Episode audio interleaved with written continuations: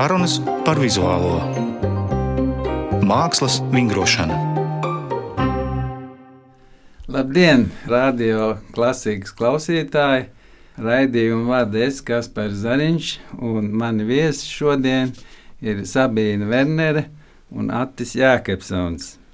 Kas viņus vieno? Viņus vieno jaunība, viņus vieno apmēram līdzīgs dzimšanas gads, viņus vieno Purvīžu balvas nominanta status vizuālajā mākslā, un arī abi viņi ir iestājušies Mākslas akadēmijas doktorantūras programmā. Kas vēl viņus vieno sensitivitāte, jūtīgums, viņus vieno sievišķība un vīrišķība salīdzinoši proporcionālās devās abiem. Tad uh, viņus vieno apcerīgums, Un tādēļ pirmais jautājums abiem māksliniekiem būtu atcerēties savu bērnību un izstāstīt savas saknes. Varbūt sāksim ar Sabīnu. Jā, es no sākuma gribēju teikt, paskatieties, cik daudz kas mums vieno izrādās. Skaisti. Nu, es esmu no Kuldīgas. Es esmu dzimusi un augusi Kuldīgā, brīnišķīgā pilsētā. Un, uh, es biju vienīgais bērns, uzaugot diezgan uh, vienpatība. Manās atmiņās ir, bet man bija ļoti priecīga, skaista bērnība. Un tad, kad es mēģinu saprast, kas bija kaut kādas tādas pieredzes, kas man veido un ka, kurās es arī atsaucos, tad, kā pieaugšais, man piemēram, pašai liekas ļoti interesanti, kad es vasaras pavadīju pie vecās māmas laukos, kurš strādāja buļļu fermā. Un tad es tur ar tiem lielajiem raganajiem zvēriem man tur ļoti patika un vispār tā lauka dzīve. Un tad tā pilsētas dzīve savukārt tēvs nodarbojās ar rallija sportu, un viņam bija servis, tad pilsētas dzīvē tur kaut kādas tās mašīnas un motori dominēja, un tad es kā tāds mazs bērnēls tur kaut kur pa vidu.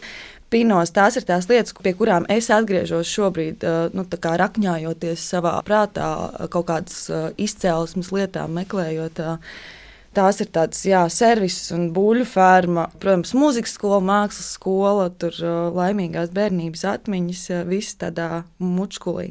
Bet, nu, jāsaka, ar mākslu ģimenē neviens saistīts man nav. Māma man aizveda uz mākslas skolu, tad, kad man bija divi gadi bez dažiem mēnešiem, trīs. Es tur vēl tā knapi runāju. Sagatavošanās grupiņa tā bija. Tikko atvēra kuldīgā mākslas skolu, mammai draudzene teica, nu, vai pamēģini. Un tad man aizveda tādu pilnīgi maziņu, kā es tad sāku, tā es tagad vēl turpinu. tu atceries to pirmo skolotāju? Jā, es ļoti labi atceros. Tā bija Amanda Berga. Viņa bija ļoti jauna tajā laikā. Uh, viņa bija tikko laikam no nu, vidusskolas, sanāk, laikam, vai no lietišķiem. Vai... No un viņai bija melni nagi. Man likās tajā laikā šausmīgi kaut kas interesants. Un, jā, es tur nogāju sagatavošanās grupiņā kaut kādus desmit gadus. nu, skaidrs, ka tik agri sākt jau. Bet ļoti skaists atmiņas, jā, tāds mansards un gošu krāsas un visādi trauciņi un tāda baigā brīvība skaista. Tā kā es saku, es nemaz nezinu, kā tas ir nenodarboties ar mākslu. Tas ir tik ļoti klātesošs, viss ir bijis. Mm. Un tev atkā tev gāja? Es esmu no Bauskas puses, no ciemata uzvara, kas bija kādreiz kolhos uzvara, slavens kolhos. Ciemata centrā bija būrs ar diviem lāčiem. Wow. Uzvaras simbols bija lācis. Uz visiem skursteņiem bija lācīši. Tad mēs gājām viņus skatīties. Tas tā kā Berlīnē jums. Jā, es uz Berlīnu diezgan bieži braukāju. Tur arī dzīvoju kādu laiku, tad man ir tā sasaiste. Un um, no bērnības es atceros no šiem vispilgtākās atmiņas tādas garas pastaigas dabā. Man patīk vienam iet kaut kur tālu Bet klīst pa laukiem. Man ir divi brāļi un divas māsas. Jā. Un tu gāji viens. Nu, man patīk būt vienam. Nē, nu, gāja arī ar brāļiem, ar māsām. Tas, tas bija atkal citādāk. Tad, droši vien foršākās atmiņas ir uz upi, kad gāja. Un tad visu dienu tur patīk tā, tā bērnu īpašība. Viņi ir nosaluši, viņiem ir zils lūpas, un viņiem prasa, vai ir, viņiem ir augsts. Viņi saka, nē, nav, bet viņi trīc. un um, ar mākslu, kā mamma ir stāstījusi, ka ja es nebiju dabūjis zīmēt, tad Tad, kad tiku pie papīra, tad uh, aptuveni zīmēju tik ilgi, lai atzīmētu to laiku, ko es nevarēju zīmēt. Un, uh, Bet Tad- cik gados tas bija tā pirmā apzināta saskarsme? man šķiet, ka jau, kā jau bērngārzā sāk tur kaut ko Tad uzdot. gāji bērnā. Es gāju bērngārzā, jā. Sabīna, tu esi gājis. Jā, es gāju bērngārzā, man mamma ir bērngārzā. Ah, tad nekas cits neatlika. Nu, jā, un, un tad tā kā es tiešām ļoti daudz zīmēju. Man visur bija līdzi skiču klāte vai bloknots un, un zīmēju visu, ko redzēju. Un, un tad es aizgāju masē līdzi uz zīmēšanas pulciņu. Mums uzvarā bija viņa vadīja Renāta Čaupala. Un tad man iepatikās. No sešu gadu vecums tur sāk vieta. Es atceros, ka tajā pulciņā gāja arī Rasija Ansone, no tādiem zināmajiem. Un pēc tam jau bija Pauskas mākslas skola un, un tā. Varbūt eh, no šī jautājuma iesildošā izriet jautājums, kas jūsu izpratnē ir vizuālā māksla, ir vispār māksla. Nu, tas ir tāds jautājums. Uh, uz vairākiem mūžiem var domāt par to, vai ne? Bet uh, es tā domāju. Priekš sevis, nu, kas man tas ir? Man tas ir kaut kāda tāda tuvošanās uh, kaut kam, ko nevar aprakstīt ar vārdiem, vai nevar izdomāt kaut kam neaptveramam. Tas ir tāds solis pretī brīnumam kaut kādam. Un tas jau kā kādu funkciju tā māksla veids tajā procesā, vai kā, kā viņa tuvojās skatītājiem vai pieredzētājiem. Bezgalīgas sejas viņai, manuprāt, viņa var iedrošināt, aizkustināt, iedvesmot, palīdzēt, stimulēt visdažādākās funkcijas veikt. Bet, um, bet jā, tas ir kaut kas tāds uh, nesaprotami, netverams, uh, tāda tuvošanās brīnumam, kas arī nodrošina tādu. Uh, Prieku par to, ka ir kaut kādas tādas bezgalīgas, nezināmas lietas, kurās var meklēt glābiņu un paļauties uz to, ka tur var būt jebkas. Paļauties uz neko, tas ir, Jā. tas ir labi. Vai arī tieši uz visu. Jā. Man patīk Sabīnas atbilde. Nemēģina to kaut kā Glorificēt. Jā. nu, vai teoretizēt. Um, vizuālā mākslā, mm, manā gadījumā, es domāju, ka tā atbilde ir diezgan līdzīga. Jā, tas ir. Es tieši šodien gāju, mēs tikko runājām par to, cik ārā ir skaista gaisma.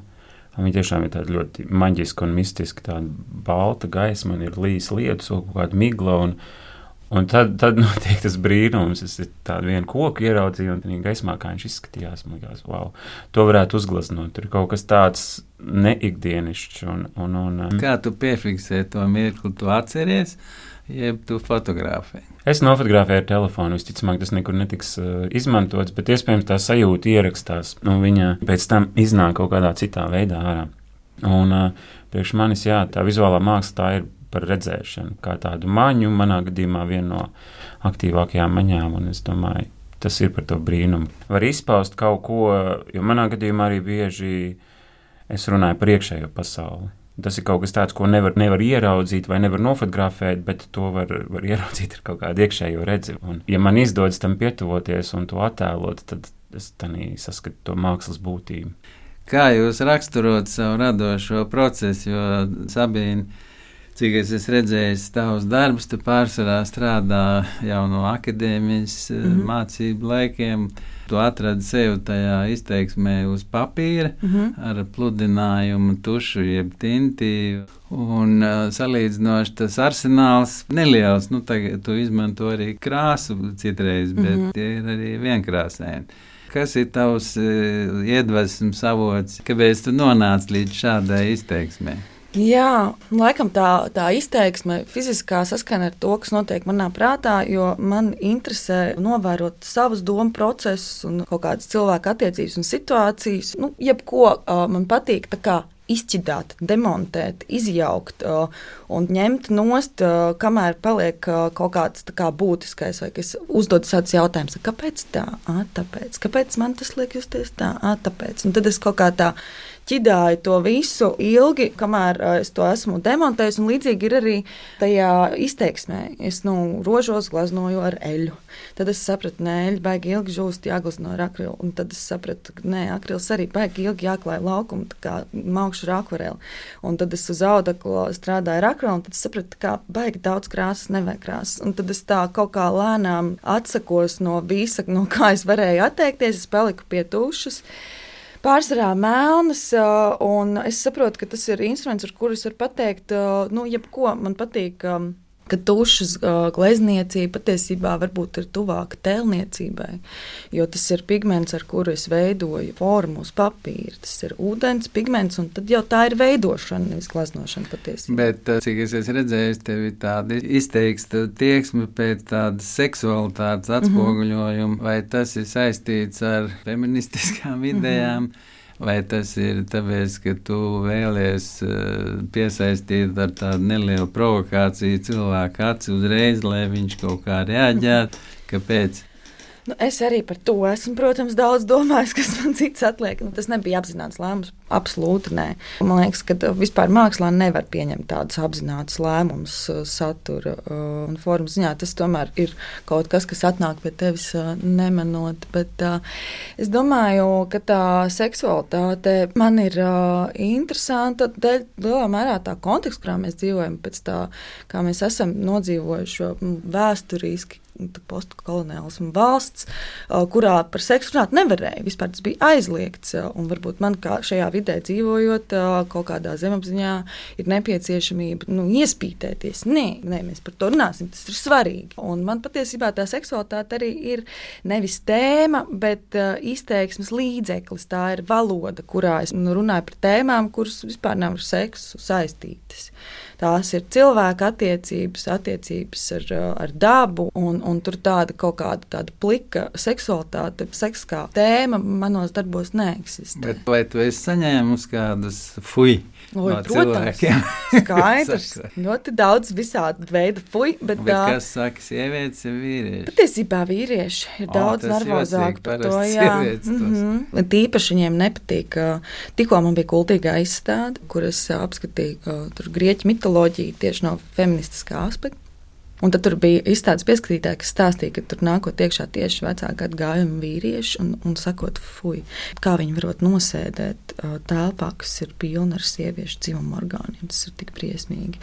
Un tad nu, forši Bet, ir izdevies kaut kas. To vīriešu orgāns negrib attēlot. Man liekas, ka viņi ir jau tik daudz attēlot uz šīs pasaules, kā, ka katra otrā siena nopūsta kādu orgānu. Ne, nu, ir, protams, tajā manā valodā piedalās abi dzimumi, bet, protams, ka tās ir mans skatiens uz pasauli. Es esmu sieviete, un man tas ir tā automātiski, dabīgi interesantāk interesanti, ka cilvēks skatoties, piemēram, uz koka dobumu, kas bieži vien atgādina to, neviens neuztraucās Bet to. Manos darbos arī nav nekā ne, tieša. Saprotu, jā. Tas ir pats interesantākais, ka tur nav nekā tieša vispār. Tur ir tīri eh, tā cilvēka paša uztvere piedalās. Eh, tas nu jā, ir... bet eh, tur nav tieši, bet es, nu, teiksim, skatoties, viņi ir savā veidā provocējoši. Tā vizualitāte rada šo mm -hmm. arī tā tehnika, kas ir šķidra. Mm -hmm. Viņi arī dod kaut kādas asociācijas. Mm -hmm. Ko tu ati domā par to savas vizualitātes atspoguļojumu? Cik es zinu, tu, piemēram, taisi selfijas ļoti daudz tad es zinu, ka tu glezno portrets gan digitāli, gan ar eļļu. Tad tu taisi arī tādas kā antīkas ievirzes klusās dabas, ko tu izmanto paduras mūžā, kur tu esi pašlaik iekārtojies un veido tos savus darbus. Kas ir tavs tas dzīves redzējums? Es domāju, es mēģināju noformulēt un sapratu, ka man tas diapazons ir, ir no tāda, grūti pateikt, kur ir tās malas. Nu, viens ir tas cilvēks, ķermenis, kā tāda pieredze, tā ķermeniskā pieredze, tāpēc ir figūra, ir arī portrets. Tad vēl tev ir tajos portretos tāda kā es teiktu, El Greco sejas, jeb mm. austrumnieciski tēli, no kurienes viņi tev. Jā, un tad tas diapazona otra puse ir kaut kāda jau tāda garīga atklāsme, satorija vai samādī. Es tur pa vidu tam, kas patiesībā ietver visu dzīvi, droši vien vēl pie tā ķermeņa tur vēl var nāvu pielikt, un tad jau arī otrā pusē tā nāve tur pienāk kā tāds transformācijas uh, veids. Um, un, un tad es tā plūstu kaut kad uh, man interesē visādi arī garīga literatūra, un tur runā par, uh, manuprāt, astoņiem ķermeņiem, ka mums ir nevis viens, bet, uh, bet astoņi. Un droši vien ir vēl vairāk. Un mēs ikdienā cilvēks lieto tos trīs, kas ir fiziskais, emocionālais un mentālais, bet tad ir vēl vēl visādi astrālie un sakrālie. Un, Kur cilvēks paliek, ka viņš nomirst pēc tavām domām? uz to es nevaru atbildēt. Bet, uh, es domāju, tur arī var to ļoti dažādi interpretēt. Uh, bet atgriežoties pie mākslas. Um, Man patīk pētīt uh, dažādas arhetipus, un, un portretos es saskatu ne tikai to cilvēku, uz ko es skatos šodien, bet arī daļu no viņa vēstures vai viņu senču vēstures. Tā var aiziet līdz seniem stāstiem un mītiem. Un, un tas ir tas, ko es meklēju, kas man arī piesaista cilvēkos, kuros es gleznoju, ka es ieraugu tur kaut ko vairāk. Tas nav tikai tas šodienas cilvēks, bet viņš nes jau sevī tādu kultūras un, un vēstures. Um, uzslāņojums. Un tad tas El Greco moments, uh, droši vien, kad, uh, kas man interesē, ir tas, tas iekšējais pārdzīvojums. Nevis tikai tāds ikdienības attēlojums. Jau. Bet tu ņem konkrētu tipu, ka tie visi ir no tavas uh, galvas iznākuši. Ir, kas ir uh, radīti no iztēles, bet, bet bieži tie ir satikti cilvēki. Tad tu izmanto fotografiju. Fotografiju pārsvarā, jā, jo nu, ir kas, eh, kas ir gatavi pozēt, bet kā daudz ir satikti ceļojot, tad tas ir bijis. Man nu pat ienāca prātā, ka ir mākslinieki, kas izmanto fotografijas un mm -hmm. kas neizmanto. Mm -hmm. Redz, te jūs esat divi ceļi.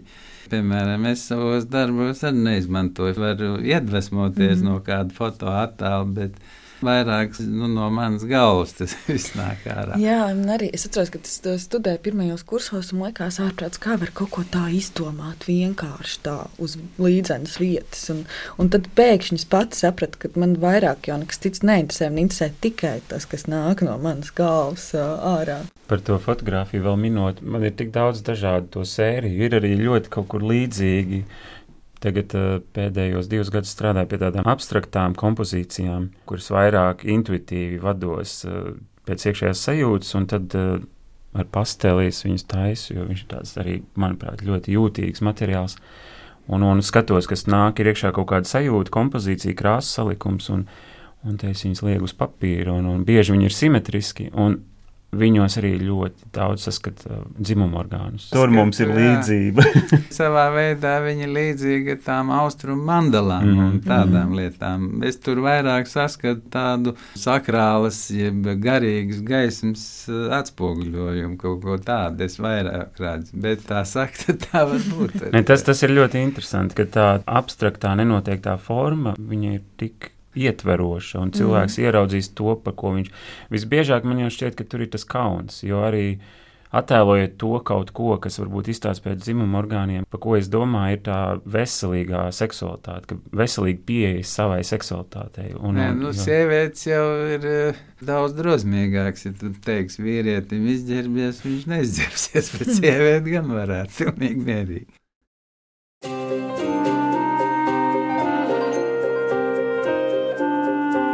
Mākslas vingrošana. Šodien studijā mani viesi ir divi jauni mākslinieki - Sabīna Wernere un Attis Jēkabsons. Kā jūs definējat, kas jums ir vissvarīgākais dzīvē līdz šim? Un ko jūs uh, esat gatavi upurēt mākslas labā, piemēram? Uh, kas par jautājumu? Tā, tā, tā. tā. No Āti, sāksi? Es varu sākt, jā. Ja man prasa, kas man ir svarīgs, man svarīgs ir iekšējais miers. Nu, man šķiet, ja, ja to pazaudē, tad, tad viss pārējais sāk gāzties un, un, un kaut kā atgriezties pie viņa maksimāli, regulāri. Bet tev ir suņi. Viņi tev nomierina, redzot, bet viņi arī reizē kādreiz, kur tas miers ir. Suņi māca atkal attiecības, jo man ir tāda ļoti izteikta tieksme uz to iekšējo mieru, un tad reizēm šķiet vienam kaut kur kalnos vai kādā klosterī vai kādā meditācijas nometnē, ka tas ir tas, kur es gribu būt, bet uh, suņi atgriež kontaktā ar sabiedrību, jo izējot uz ielas es nevaru. Bet tad uh, par to upurēšanu Nekas jau nav jāupurē. Es domāju, ir jāsaprot prioritātes un tad jāskatās, kas viņam palīdz un kas viņam traucē. Un... Bet prioritātes tev rodās uh, dzīves gaitā. Ja tev viņas ir tādas primāras, ko tu nekad nelauzīsi, jeb nemainīsi. Es domāju, ka Jā. viss ir ļoti mainīgs un plustošs. Un, un kaut kādā ziņā mana personīgā pieredze, kam es sekoju, ir tā, vai es jūtos labi vai slikti, un pēc tam tas, kā es jūtos pēc tam arī tas ir svarīgi. Un, un, un tad, piemēram, ir vajadzīgs ierobežot kaut kādu socializēšanos, jo es iespējams jūtos noguris. Tad es domāju, vai, vai es gribu būt mājās un palasīt grāmatu, vai es gribu aiziet kaut kur un satikt cilvēkus. Un, uh, vai tev ir svarīgs cilvēku viedoklis par to, ko tu dari? Nav. Tam, kam ir svarīgi, ar to es strādāju. mēģinu viņu, kā teikt, palīdzēt eh, viņam pieaugt un nobriest un, un, un, un saprast, ka tas nav svarīgi, bet kaut kāds aspekts, protams, eh, ilgojas pēc atzinības un, un, un sajūtas, ka es neesmu pilnīgi garām kaut kur aizgājis, bet uh, interesanti pieredze bija padurē, jo es tagad dzīvoju paduras mūžā, kur man ir izstāde. Es tur dzīvoju vietas, un es satiku ļoti daudz cilvēku, un ļoti dažādas viedokļas, un ļoti pretējas viedokļas. Un, uh, Un tas man palīdzēja, teikt, izslimot šo slimību, viedokļu svarīgumu, slimību. Es nevaru viņiem palīdzēt. Man pat radās idejas, viņas visas varētu aicināt vienā telpā, lai viņi izlemj, ko un kā man glaznot. Jo es nevaru viņus visus. Nu, tu darīji tik un tā, kā tu dari. Taču. Es mēdzu ieklausīties, kaut, kāds, ne, nu, kaut kāda gudrība jau ir, tā ko saka. Bet, nu, tu droši vien ieklausies tajos, kas tev šķiet līdzīgi domājoši vai kā. Man šķiet, tas ir interesanti. Ar tiem līdzīgi domājušiem vienmēr, protams, ir vieglāks tas ceļš, jo viņi runā līdzīgi. Bet tad uh, kosmos atsūta cilvēku, kurš tādu iesita tādu lielu pļauku un nedaudz pamodina. Man liekas, ja, ja pārāk sāk neklausīties, tad, tad notiek tāda aizmigšana. Liekas, viss, kā es daru, kā es redzu, ir perfekti. Jūs neko man nesakat. Un, un, un tad tā pļauka ir vajadzīga. Viņa ir sāpīga, bet viņa iedod jaunu virzienu. Es domāju, tur ir tas līdzsvars jāatrod kā tevi saviena ar šo visu, ko mēs runājām. Par to vissvarīgāko patiesībā mums ir um, izrādās ir vēl kaut kas daudz kopīgs bez nosauktajām lietām. Man arī laikam vissvarīgākās nav kaut kādas fiziskas lietas, bet tā sajūta, ar kādu es dzīvoju. Man ļoti svarīgi ir uh, vienmēr atcerēties, ka viss ir iespējams. Jebkurā brīdī var notikt jebkas, un kad, uh, kad es varu izvēlēties, un nu, sajūta, ka prāts mani neierobežo kaut kādos divos scenārijos vai trijos, un tā vai tā. Bet tas aizmirstās ik pa laikam, noslāņojās tā sajūta, un tad uh, iekrīt kaut kādā renē. Uh, un, un, un vienā brīdī es saprotu, ka kaut kas nav labi, kas notiek. À, es rekur atkal esmu sev uzaudzējusi virsū visādus tur. Uh, sabiedrības viedokļu slāņus un visādus uh, fiziskās pasaules lejerus. Tad es viņus sāku plēst nost un atceros, ka hei, to, ko tu vari izdomāt, tas var notikt. Go! Jā, uh, un ar tādu attieksmi un arī tādu skaidru, apzinātu prātu dzīvojot, uh, man liekas, arī nekas nav jāupurē. Tas notiek dabīgi. Jā, un ja pat ja kaut kas upurējās, tad uh, viņam ir jāupurējās, un, un tas ir droši vien vislabākais iespējamais scenārijs. Mēs zinām, ka mūzikas pārstāvji, komponisti un, un atskaņotāji, mākslinieki ir pašlaik iekarojuši to Eiropas un arī pasaules daļas, kļūstot internacionāli atpazīstami.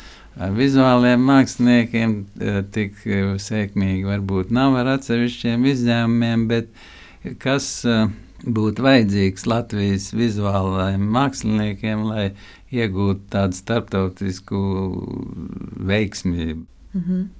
Man liekas, ka tas arī ir kaut kāda kolektīva apziņa. Mēs uh, dzīvojam kaut kādā tādā apziņas burbulī, mēs un viņi. Uh, un kad kaut kā tur jau no studenta laika tas fokus ir uz iekšu vērsts, uz, uz lokālo vidi, ja jau uh, sākot no vidusskolas mēs domātu pasaules mērogā, nevis par iekšējām Bet struktūrām un institūcijām. Es, es nezinu, es domāju, varbūt tā arī ir tā kaut kāda vēsture un pieredze, kurai ir tas domu egregors mūsu izgājis cauri. Mm, bet tas ļoti daudz ko mainītu, ja mēs vienkārši mainītu attieksmi. Tur vajag vienkārši kaut kā ar varu atvērt prātus Un... Ar varu vai var? var, var. Nē, nu, ar apzināti vienkārši saprast, ka nav tādi mēs un viņi, un ka mēs īstenībā esam daudz interesantāki nekā viņi, un ka visi kolektīvi piedalās tajā pasaules veidošanā, un ir jāskatās uz āru, man liekas, ir jāsako līdzi pasaules ziņām, ir jāsako līdzi pasaules institūcijām, un jāvērš uz atvērts skatiens, jo ļoti bieži es strādāju akadēmijas studentu galerijā un saprotu, ka cilvēki, kas ir izvēlējušies savu profesiju, būt kā mākslinieks, uh, profesionāli, viņam nav ne jausmas, kas notiek aiz robežas. Un tas jau arī norāda uz to, ka tas uh, prāts veido savus uh, ceļus uh, tikai tur, kur viņš ir. Bet vai tu neesi domājis, varbūt trūkst nu, tādu gudru?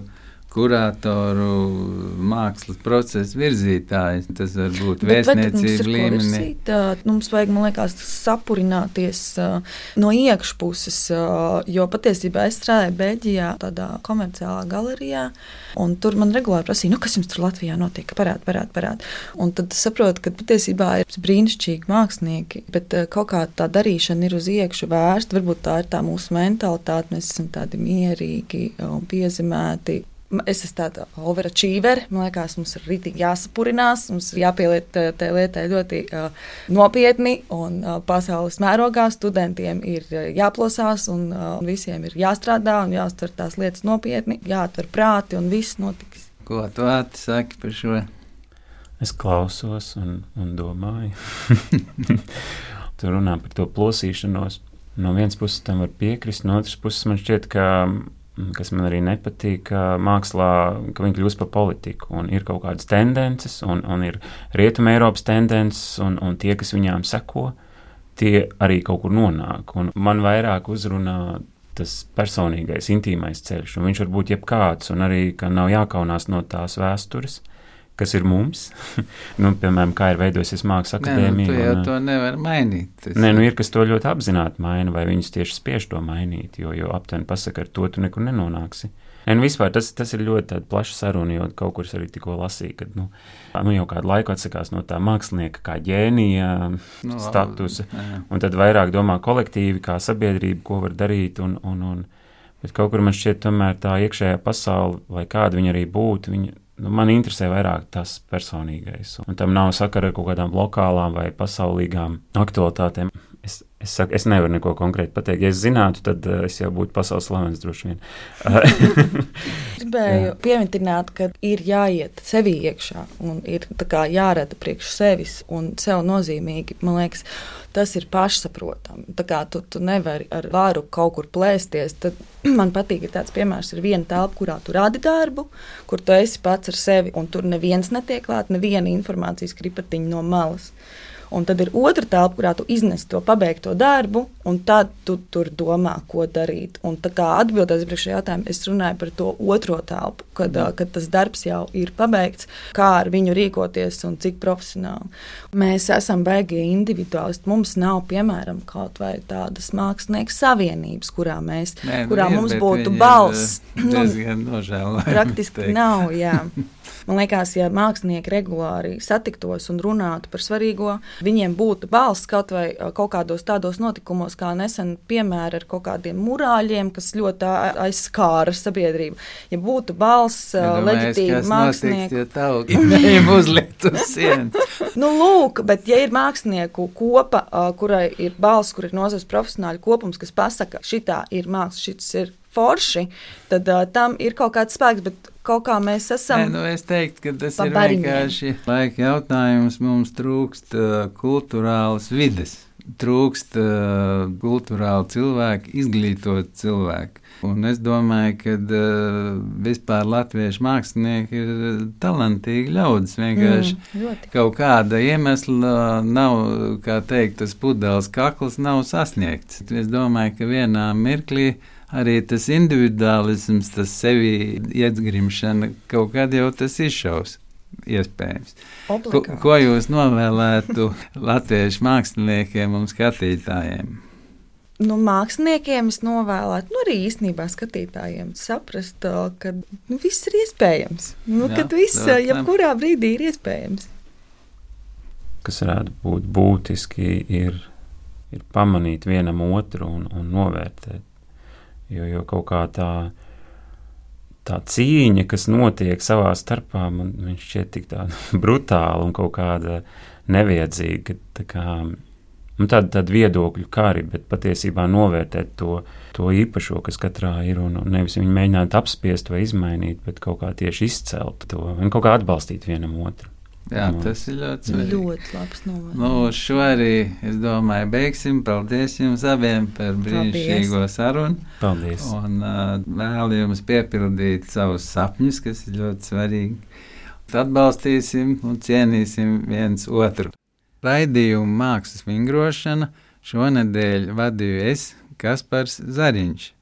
Biju uzaicinājis ciemos Sabīni Werneri un Atti Jēkabsonu, jaunus un talantīgus māksliniekus. Raidījumu producente Inta Pīrāga. Raidījums tapis ar valsts kultūra kapitāla fonda atbalstu.